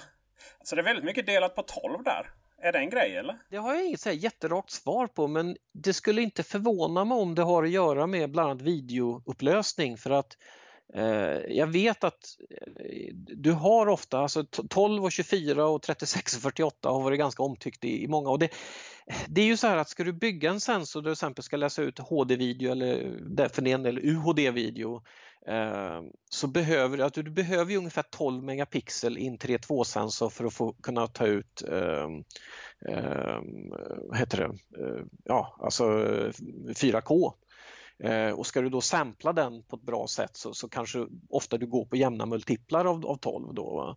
Så, så att, eh, sen är ju inte mobilsensorerna 3.2 i och för sig så jag vet inte varför de riktigt hamnar där men, men eh, det, det, kan också vara så här att det blir lite sammanträffanden och att det finns så att säga en pixelteknik som man antingen så att kan halvera eller fördubbla lite grann i storlek för, för så, så blir det enklare rent tillverkningsmässigt av något skäl. Så att, eh, ja, jag ska inte säga att jag vet men man kan säga att det, det, ja, det kan mycket väl vara så. Sen har vi, har vi inte 108 megapixel från Samsung också förresten, på tal om tomater. Just det, kan jag tänka mig. När det presenteras nya telefoner så, så visar man, de specifikationer som visas där, antal megapixlar och det är eh, bländaren och Field of View. Och jag har faktiskt aldrig sett hur man eh, presenterar sensorer förrän nu OnePlus lanserar en ny 7T där man då visar att den är på 0,8. Vad då för någonting? Ett litet U och sen ett M. Alltså det här man kan tala lite grann om pixel pitch, alltså hur stora pixlarna är i grund och botten. Vilket är ett eh, i, i vissa sammanhang intressant mått men, men Eh, jag kan ju nämna det att liksom många sensorer, om vi talar med storlekar, är ju liksom eh, kallat tredjedels tum, en två och en halvdels tum, 1 genom 1,8 eller en halvtummare, 1 genom 1,7 alla massa sådana mått. De där måtten har du säkert sett, eller 2 genom 3 alltså två tredjedels tum. Sen, sen eh, jag ska säga att det här megapixelracet, jag kan väl säga så här, jag, jag är ofta lite vi hade ju redan, vad hette den här Nokia värsting Nokian som kom för en, Lumia någonting. bortåt tio år sedan. Den hade ju 42 megapixel. Ja. Så att jag, jag ska säga så här, faktum är att om man tittar på sensorer i stort så kan jag säga att det finns i princip ingen egenskap som har utvecklats långsammare än antalet megapixel. I stort sett alla andra egenskaper, alltså från deras så att säga, tonomfång till, till hur fort du kan läsa ut per sekund, många bilder och sådana saker, har utvecklats mycket fortare. Eh, Sen är det väl så här att man kan säga, jag kan förstå begreppet megapixelrace i och med att det är så att säga, man använder ofta megapixel som en marknadsföringsterm.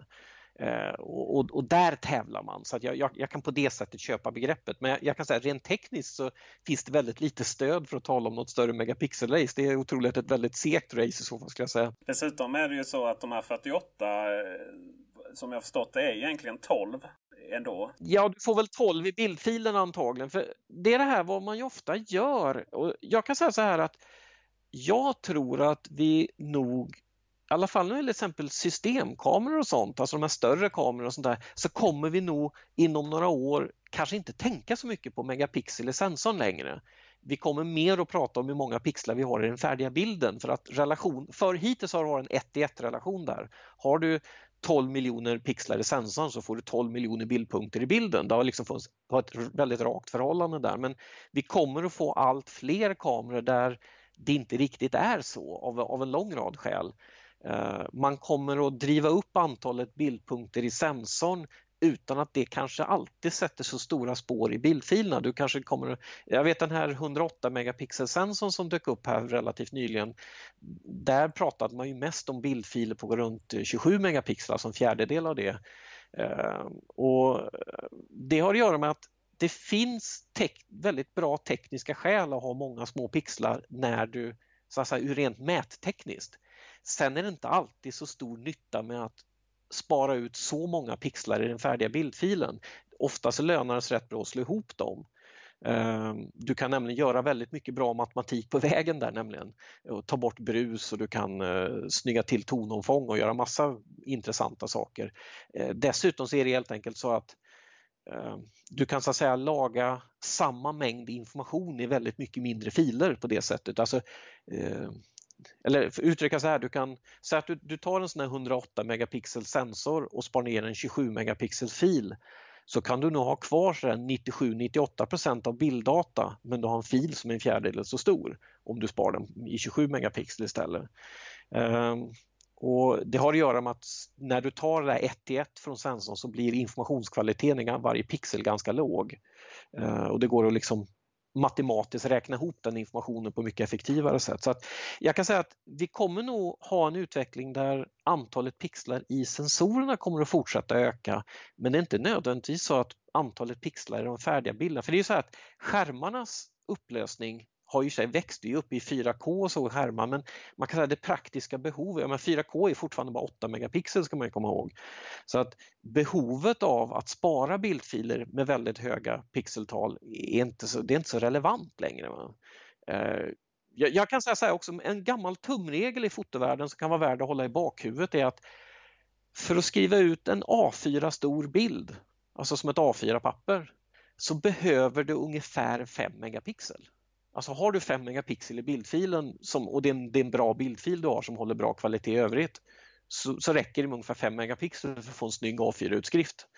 Uh, eh, och det, det, säger ju en del om att liksom det här med 48 megapixel, det, du får skriva ut väldigt stort innan du börjar få ett problem med att pixlarna inte räcker till om vi säger så. En annan sak som man pratar väldigt mycket om det är ju då bländaretal här nu. Mm. Vi är nere på, huvudkameran brukar ligga på 1,8 på vissa. Eh, otroligt nog så har flaggskeppen kör lite högre, både iPhone och Samsung framförallt. Och sen så är vi nere på 1,6 och så finns det en telefon som är nere på 1,4.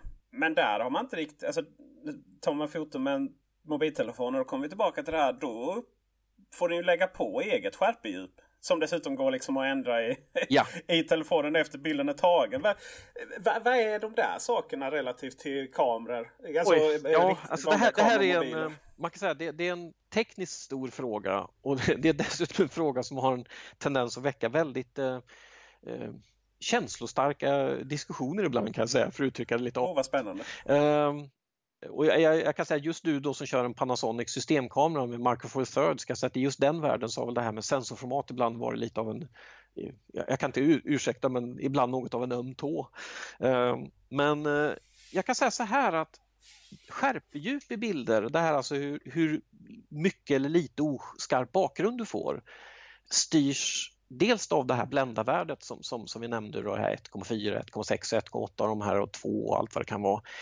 Men det styrs också av ett, i synnerhet två andra faktorer som är väldigt viktiga och det, en av dem är helt enkelt avstånd till motivet. Alltså ju närmare ditt motiv du går ju mer bakgrundsskärpa kommer du få. Så att många mobiler kan du ta bilder som, på saker som är en centimeter från, från kameran liksom. och då får du plötsligt ganska oskarp bakgrund utan någon större trolleritrick. Så att ju, ju närmare motivet är ju oskarpare bakgrund kan du få. Det andra är att ju mindre sensoryta du har ju större skärpedjup får du. Eh, så man kan säga att det är det som är en sån här paradox att bländare 1,4 ger ju inte samma skärpedjup med olika stora sensorer. Det är samma vi sa det här att när vi talar brännvidd på objektiv, alltså den här som mäter hur långt objektivet är, att du kan ha en och samma brännvidd kan ge väldigt olika bildvinklar beroende på hur stor sensorn är och faktum är att bländarvärdets effekt på skärpedjupet också varierar på det sättet. Ju större sensor du har, ju kortare blir skärpedjupet för, för en given bländaröppning om du övrigt så att säga, alla andra parametrar lika. Då.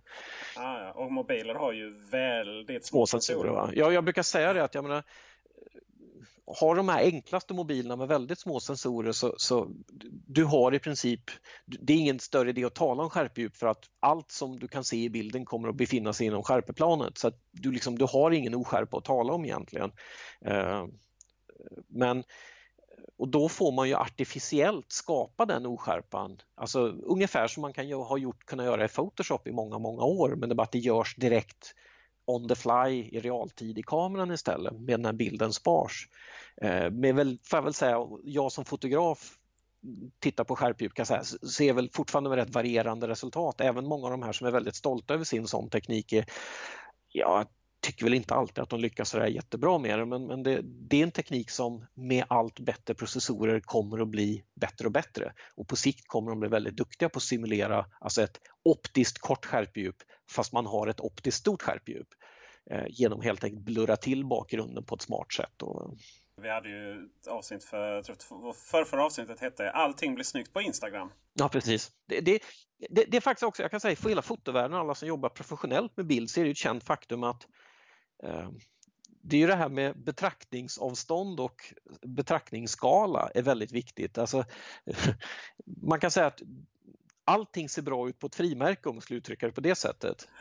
uh, och, och det, det, det, är också ett jag, menar, jag kan säga att för min egen del som fotograf, min kanske en av mina mest publicerade sportbilder är en bild där jag missade skärpan något alldeles fantastiskt mycket men det var en väldigt cool bild och den användes som sån här lite vignett på en eh, volleybollklubbs hemsida under en rätt lång period. Den låg liksom uppe i sån här, de rullade lite småbilder uppe i vignetten och där låg den. För att i den storleken så såg man inte att jag hade missat fokus rätt grovt och det var en cool bild liksom rent motivmässigt. Hur ofta händer det att du eh, har tagit en fantastisk bild i de sammanhangen och sen så är fokus fel? Eh, I, I och med att jag då är en helt perfekt fotograf så händer det Nej, det var den gången. nej, men det händer. Det, det, det, är bara en del av liksom jobbet när du plåtar, alltså när du plåtar så oförutsägbara saker som sport eller för den delen barn eller springande hundar och sånt där så du kommer att få oskarpa bilder. Det är liksom bara lär dig leva med det. Och det finns ju en orsak att du märker om du har träffat på en yrkesfotograf många gånger så tar de ofta fantastiskt mycket bilder. De tar helt enkelt många bilder. Det är också ett sätt att rent statistiskt så att säga ehm, ju fler bilder du tar så har du helt enkelt oddsen att, att en av de lyckade bilderna är, är en grov miss tekniskt minskar då om du har tagit fler bilder på ungefär samma sätt. Va? Ehm, sen handlar det, jag kan säga det handlar, handlar väldigt mycket om du, alla känner till om ni har tagit en gruppbild någon gång att om du tar en gruppbild av fem personer så kommer ju tre av dem att blinka just när du tar bilden. Men tar du däremot 25 bilder i snabb följd så, så du kommer hitta minst en bild där ingen blinkar i alla fall. Bara hålla inne den helt enkelt. Hur kommer det sig att uh, numera är det, de flesta mobiler har ju trippelkameror? Mm. En, som de dessutom kallar, det är lite roligt, de kallar ju huvudkameran vidvinkel alltid. Eh, och sen så kallar man ju vidvinkel då, eh, den som är mer vidvinkel, den kallar man ultra ja. wide angle eller ultravidvinkel. Uh, och sen kallar man andra telefotolins. Jag säger alltid zoomkamera. Varför kallar man uh, huvudkameran uh, vidvinkel? För att det är en vidvinkel. Den, den, alltså översatt till så att säga, småbildstermer, det vi talar systemkameramänniska, traditionell fotovärld, så ligger man väl på alltså, vad som skulle motsvara 30 mm någonstans, ofta 25, 30, 35 någonstans där på, på en småbildkamera. Alltså en mild vidvinkel helt enkelt. Alltså den här en ganska bred bild, bildvinkel så att de är vidvinklar rent tekniskt. Så det, det är ingenting konstigt med det kan jag säga. Det som är roligt nu är ju att eh, var det det du eftertraktar, äh, eftertraktar för nu pratar man alltid om field of view, mm. FOV, på ultravidvinkel. Liksom 117 till exempel här då på OnePlus 7T. Ja, det är ju bildvinkel alltså. Field of view och bildvinkel är ju väldigt relaterade begrepp. Och det var det du egentligen ville att vi skulle alltid gå alltså, efter? Alltså, bildvinkel är ett, ett, ett, så att säga, det, det är ett ganska det, det, det, är inte så ambivalent. Det, det, är ganska, alltså, har du en bildvinkel på 100 grader så vet du att du är en vidvinkel och har du en bildvinkel runt 50-60 eh, grader så är det väl ungefär normal. Och, uh, ja, nej, uh, 30 grader tror jag vi ligger på förresten. Eh, och har du 8 grader bildvinkel så har du ett ganska långt tele till exempel. Det, det är liksom, bildvinklar är väldigt otvetydiga på det sättet. Så det, det, samtidigt tror jag det, det är ju då en term som vi väldigt sällan använder. Men det är kul att de börjar tala om field of view för att det är ändå, tycker jag egentligen, ett ganska bra begrepp. Det är liksom ett av de minst förvirrade begreppen i den här annars begreppsförvirrade världen. Inne i kameraapparna sen så går man ofta ner så till 0,6 för att aktivera vidvinkeln. Är det liksom, då menar man att det är Ja, vad menar man med det egentligen? Det kan jag säga, i det fallet så får jag svara med sån här artigt eh, att det var en väldigt bra fråga. Och eh, jag, jag, måste säga att det, det är ingenting jag själv, men jag antar att det skulle kunna låta som att du har någon form av 0,6 gångers beskärning eller någonting? Ja, måste vara. Alltså för att om du går in då och kör telefoto så är det ju, då är det ju två gånger. Alltså, ja, då sätter du in på tvåan. Ja, för 0,6 skulle, det, det, är väl någonting du att säga dividerar med. Alltså två gånger då, då, då har du en snävare bildvinkel och 0,6 gånger så har du vidare. Eh, det, det jag kan säga som är för mig då som foto och kamerateknikmänniska, så det som är intressant och väldigt fascinerande med de här moderna mobilerna är att nu har vi börjat bygga kameror som faktiskt påminner rätt mycket om hur den mänskliga synen fungerar. För att ska vara helt... Eh, det, det, en väldigt, jag kan säga som, som, när man skriver om fototeknik så får man då och då med jämna mellanrum den här frågan om att oh, vilket brännvidd har ögat och vilka prestanda har ögonen egentligen och hur ljusstarka är de och såna saker. Hur många megapixlar har dina ögon? Ja, lite grann så. Va? Och grejen är att det finns inget riktigt rakt svar på den just för att ögonen i praktiken faktiskt har Eh, alltså för, för, att ge en sån extremt överförenklad bild av det så är ögat har ett högupplöst teleobjektiv i mitten, ett färgkänsligt vidvinkelobjektiv runt om och en rörelsedetektering ut i kanterna. Uh, igen, det här är en extrem förenkling men så i praktiken kan jag säga att ögonen är liksom tre olika kameror i ett. Och sen har vi en sjukt häftig bildprocessor i skallen som lägger ihop den här informationen eh, och gör massa intressanta bearbetningar av den. Plus att jag kan nämna det här i sammanhang med mänskliga synen att vi har ju dessutom, vilket jag tror många inte har klart för sig, att det, när du går omkring i vardagen och tittar omkring på jobbet eller hemma, det du ser då, större delen av det kommer nog från närminnet än från ögonen för att det är mycket energieffektivare att jobba så för, för hjärnan nämligen. Eh, vilket är också lite lurigt, vi kan lätt missa saker som ändrats som vi inte uppmärksamma för att vi plockar information som sagt från närminnet hur det såg ut nyss istället. Och hur moderna mobiler funkar där du ofta gör så att du tar samtidigt bild med tre lite olika kameror med olika brännvidd och lägger ihop det, det är ju, och så har du en väldigt bra bildprocessor som kan jobba ihop den här informationen och så säga så här, bygga ett resultat som är större än de enskilda. Det är lite 1 plus 1 plus 1 blir 4 på något sätt av det hela. Att du får liksom ut ett större resultat än vad de enskilda ingående delarna borde kunna ge upphov till. Eh, och det här är ju faktiskt påminner en hel del om hur den mänskliga synen jobbar faktiskt. Så att moderna mobiltelefoner är egentligen ganska häftiga på det sättet just för att de, de jobbat på ett mer, eh, mer organiskt sätt egentligen med, med bilder. Hur kommer det sig att eh, huvudkameran eh, har fler megapixlar, lägre bländare, oftast i mobiltelefoner. Och sen så, ja, så till exempel på en här så har vi våra 48 på huvudkameran, 12 på telefotot och eh, 16 på ultravidvinkel och ibland så är telefotot nere på 8 till och med. Finns det någon anledning eller handlar det bara om pengar? Det är någon kombination. Alltså, tänk igen på att vad ofta får ju så att säga eh, mobilkameran, alltså som, som kameraappen du jobbar med, den ska ju ofta så att säga, kombinera informationen från de här tre på ett, på ett snyggt sätt. Du ska ju liksom inte riktigt märka vilken av dem eller vilka av dem du använder. Eh, och då gör man ofta så att man har en liksom väldigt högupplöst som, som, som sköter den detaljteckningen. Sen kanske har det där telefoto som där du eh, så att säga, förmodligen kan släppa en del på färginformationen lite grann. Eh, för den kan ändå ta reda på på lite andra sätt i det läget. Och Då behöver du inte så många megapixel så att säga och, och så vidare. Så att Eh, Eh, det handlar nog om, i princip skulle du kunna ha 48 megapixel alla tre men det skulle bli så otroligt dataintensivt så att det skulle dra väldigt mycket processorkräm eh, och som du får ut väldigt lite bildnytta av. Eh, jag tror det handlar om en, en slags sätt att, så att säga, optimera inte samla in onödigt mycket information för att skapa sig onödigt mycket bearbetningsarbete för att skapa en bild i slutändan så att säga. Det är, det är nog mycket det. Sen är det, skulle jag också tro, som du är inne på, en kostnadsfråga också för att det, det skulle, att ha tre 48 megapixel sensorer eh, skulle göra både sensorerna dyrare men det är också att ska du ha en 48 megapixel så, så får du kosta på mer på objektivet för att verkligen dra nytta av den sensorn. Det, det är billigare att bygga ett objektiv som, som, som är avpassat för en 8 megapixel sensor än en som är avpassat för en 48 megapixel sensor. Så att hela så priset för totala paketet blir nog betydligt lägre på det sättet. Och Förmodligen skulle du vinna väldigt lite tekniskt på att ha tre stycken 48 megapixel sensorer som i det läget så att säga. Tar man eh, med mobilen ett foto ute utomhus kan det bli fantastiskt fina foton. Särskilt på flaggskeppstelefonerna Huawei P30 Pro. Vi har eh, iPhone. Vi har eh, ett gäng av de här telefonerna som, som ju verkligen marknadsför sig för att vara riktiga, riktiga, fot, riktiga fototelefoner. Men så fort man kommer inomhus så fort det blir lite mörkt ute ja. så blir det ju fruktansvärt brusigt.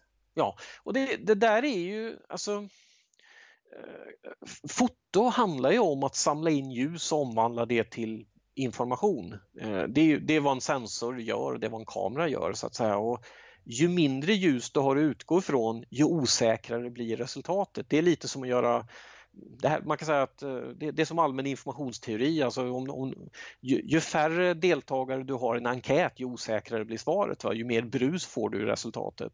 Eh, det här är... Eh, alltså kameror kan all, kommer alltid prestera bättre om de kan få tag i mer ljus att jobba med.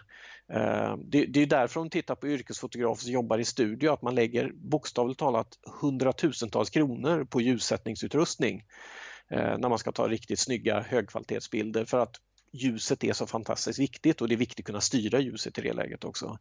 Eh, sen är ju mobilkamerorna då extra drabbade i och med att de har väldigt liten insamlingsyta. För det igen, alltså ska du kompensera för en frånvaro av ljus så kan du göra ett sätt är helt enkelt att öka insamlingsytan, alltså att ha en större bildsensor. Eh, men problemet är att det är väldigt svårt av, av en lång rad, alltså både få in själva sens en stor sensor i, i, en mobil och dessutom så blir ju då optiken större och så, alltså får du en extremt klumpig mobil så att säga. Va? Så att mm, det, det är där den här hela grejen med att, att, börja använda många sensorer bredvid varandra, det är ju ett sätt att få en totalt sett större sensoryta och fortfarande ha väldigt små objektiv. Eh, och det, det, kan vara värt att lägga till att om du detaljstuderar en sensor, alltså i synnerhet om du tittar på sensorer i, i systemkameror, så sitter det faktiskt små optiska element framför varje pixel i själva sensorn. Eh, just för att göra dem effektivare. Och så roliga att där, där, om du har en 10 megapixels eller säg en, en 25 megapixels var lite mer modern i en systemkamera så sitter alltså 25 miljoner små pyttesmå objektiv framför de enskilda pixlarna. Så att den här principen att, så att säga, samla in med många små enheter och lägga ihop informationen det är ju egentligen ur kamerasynpunkt väldigt logiskt. Uh, I princip skulle man kunna tänka sig en mobil där du hade liksom 30 stycken små kameror sittande i en stor matris på hela, hela baksidan på kameran eller på mobilen. Och då skulle du samla in ganska mycket ljus för då har, ju, då har du 30 gånger vad du nu har för sensorstorlek så att säga. Va? Och då kan du samla in 30 gånger mer ljus än du kunde med bara en sån sensor. Men sen så kom ju, eh, faktiskt tar vi Huawei igen, kom en liten telefon som hette P20 Pro.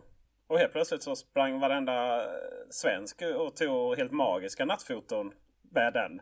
Och, och sen så kom Google med sina pixeltelefoner. Eh, det där handlar ju väldigt mycket också man ska, det finns ju flera leder här också.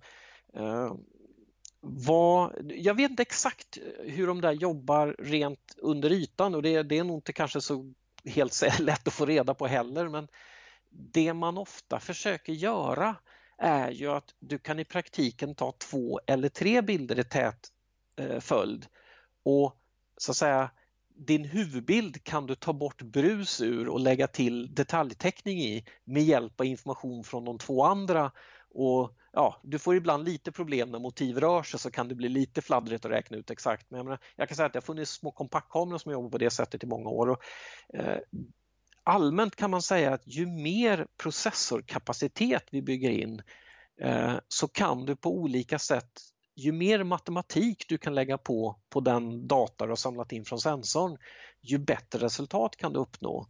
Eh, och Det kan ju vara att lägga igen den här parallellen till mänskliga synen att ska vi vara ärliga att om vi tittar på ögonen så är de eh, optiskt och som, som sensorer så, så är de inte så högpresterande. För att det behöver de inte vara. Eh, för att vi har en sjukt effektiv bildprocessor uppe i skallen kan man säga. Eh, nu, ja, alltså rent i, i djurvärlden så har vi ganska bra syn på det stora hela men, men vi har framförallt väldigt bra färgsyn. Men eh, man kan säga enkelt säga så här att ju bättre processorkapacitet du har ju mindre beroende blir du av sensorprestandan så att säga. Eh, sen är det igen, det enklaste sättet att förbättra bildkvaliteten är fortfarande att bara skala upp sensorn till exempel. För då, ja, då behöver du inte göra så mycket matematik, då får du en bättre bild i alla fall. så att säga. Det är ofta liksom brute force. Eh, det, systemkameror bygger ju ofta på den principen att de kompenserar på ett sätt för bristande teknik genom att bara ha väldigt stora sensorer istället. Eh, och jag vet att en del systemkameror kanske blir väldigt stötta om man säger så, men faktum att det är mobilkamerasensorer är ju så att säga i, vad ska jag kalla det så här, teknikgrad per kvadratmillimeter ligger de ju långt före sensorerna i eh, systemkameror och mycket av det är ju, är ju en kostnadsgrej. Alltså att bygga så stora sensorer med samma tekniknivå som en mobil skulle bli groteskt dyrt så att man har inte råd med det. Och mobiler görs i mycket större serier och så men faktum är att mobilkameror har väldigt tekniskt avancerade sensorer. Ehm, de har liksom mer teknik per kvadratmillimeter än, än några andra eh, sensorer egentligen. Och nu kommer den kanske svåraste frågan här efter en och en halv timme. Kommer mobiltelefonerna till slut konkurrera ut våra större systemkameror? Alltså jag, jag brukar säga så här att det är väldigt svårt att konkurrera ut en typ av kameror. Ehm, man kan väl uttrycka det så här att när de första kamerorna dök upp så borde ju, man kan säga att eh, oljemålning och akvarell slutade väl användas som så att säga, yrkesverktyg men de har ju levt vidare som, som konstnärliga verktyg. Och systemkameror kommer nog aldrig helt att dö ut. De kanske någon gång på sikt blir ganska marginaliserade som vad ska jag säga, eh, funktionella yrkesprodukter. Eh, nu är det väldigt långt dit och det har att göra med att igen Eh, du använder ofta systemkameror på ett helt annat sätt än du gör med mobilkameror. Jag kan säga så här, för en fågelfotograf så är det väldigt, väldigt, väldigt, väldigt långt innan en mobilkamera ens blir marginellt relevant. Ehm, det, det, finns ingen mobilkamera idag på marknaden som ens kan ta mediokra fågelfotobilder kan jag säga, av en lång rad skäl. Eh, sportfoto samma sak och eh, man kan säga det här om du ska, om du ska plåta ett bröllop någonstans i en, i en svagt ljussatt kyrka och såna här grejer så där, där, där härskar systemkamerorna och kommer att göra väldigt länge. Och jag tror helt kommer de aldrig försvinna för att, så att säga, vi ser ju genom historien att vi, vi började liksom hugga bilder med, med eh, flinta i, i, mjukare stenblock och göra bilder på det sättet och sen började vi måla med eh, kri, eh, kol eh, på, på, pergament och sen började vi måla med oljefärger och så har vi akvarellfärger och så sen kom det kameror och sen ja och så vidare. Så ingen teknik har någonsin blivit helt så här, dött ut. Vi har fortsatt använda dem av så här, en blandning av sentimentala skäl och, och att de är så här, konstnärligt stimulerande. Och jag tror, tänk på att de som använder en systemkamera gör ju antingen det av yrkesskäl för att de helt enkelt är bättre på det men ofta också att man gör det som en hobby av ett intresse. Eh, och jag roliga, jag, jag själv använder min mobil väldigt lite för att jag tycker fortfarande att mobiler som vad ska jag säga, deras användargränssnitt. Jag, jag har inget emot deras tekniska bildkvalitet men eh, användargränssnittet är i min värld så fullständigt bedrövlig eh, jämfört med vad jag har i så här, vad jag då skulle kalla en riktig kamera med ett riktigt rejält grepp och ett avtryck och som liksom, där jag kan verkligen styra, jag kan verkligen styra exakt när och hur jag vill få min bild. Med mobil så känns det alltid som att jag fungerar, eh, jag försöker fotografera med två centimeter tjocka tumvantar liksom. Och, och, ehm, så att jag, jag, tror för entusiaster och så att säga, konstnärligt skapande fotografer så kommer nog stora systemkameror finnas kvar väldigt länge än för att de erbjuder en kreativ kontroll som är väldigt svår att uppnå med mobiler. Eh, men det är ju redan så idag att utav den så att säga, totala bildskörden som tas varje dag i världen så är det ju så att mobilerna har ju kört ifrån de dedikerade kamerorna för länge, länge sedan. Ehm, och, och det, den trenden kommer ju bara fortsätta i takt med att mobilerna blir allt mer mångsidiga, allt mer, de blir bättre och bättre på, eh, på att ta just den här mer udda bilder. Alltså tel, kan, nu kan du liksom på riktigt nästan ta lite sportbilder, i alla fall liksom när eh, barnen spelar fotboll på kvällen så kan du ta det. Däremot kanske inte en professionell sportfotograf känner sig speciellt lockad av dem eller kommer att göra det på, på ett bra tag ändå. Och jag kan säga att den stora grejen där systemkamerorna så att säga härskar, det är optiken. För att eh, vi kan göra väldigt mycket med sensorer och med det som händer när vi väl fångat in bilddata. Men det är fortfarande extremt svårt att komma runt som optiken och, och alltså, ljus beter sig på ett visst sätt så att säga och, och, stora objektiv kommer alltid kunna göra mer spännande saker än små objektiv om man ska uttrycka det på det sättet. Och med de kloka orden så eh, tackar vi dig Martin Agfors. Tack själva. Och eh, dig hittar man vad du både skriver och en och annan bild på just fotosidan då.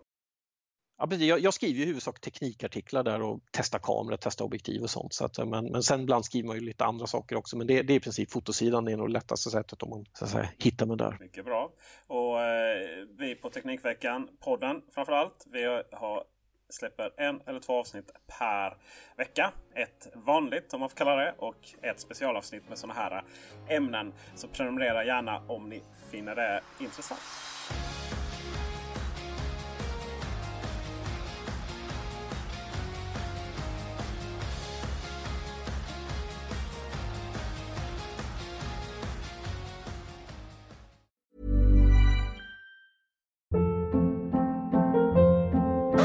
Hold up. What was that? Boring. No flavor. That was as bad as those leftovers you ate all week. Kiki Palmer here, and it's time to say hello to something fresh and guilt-free. Hello Fresh. Jazz up dinner with pecan-crusted chicken or garlic butter shrimp scampi. Now that's music to my mouth. Hello Fresh. Let's get this dinner party started. Discover all the delicious possibilities at hellofresh.com. Hi, I'm Daniel, founder of Pretty Litter. Cats and cat owners deserve better than any old fashioned litter. That's why I teamed up with scientists and veterinarians to create Pretty Litter. Its innovative crystal formula has superior odor control and weighs up to 80% less than clay litter. Pretty Litter even monitors health by changing colors to help detect early signs of potential illness. It's the world's smartest kitty litter. Go to prettylitter.com and use code ACAST for 20% off your first order and a free cat toy. Terms and conditions apply. See site for details.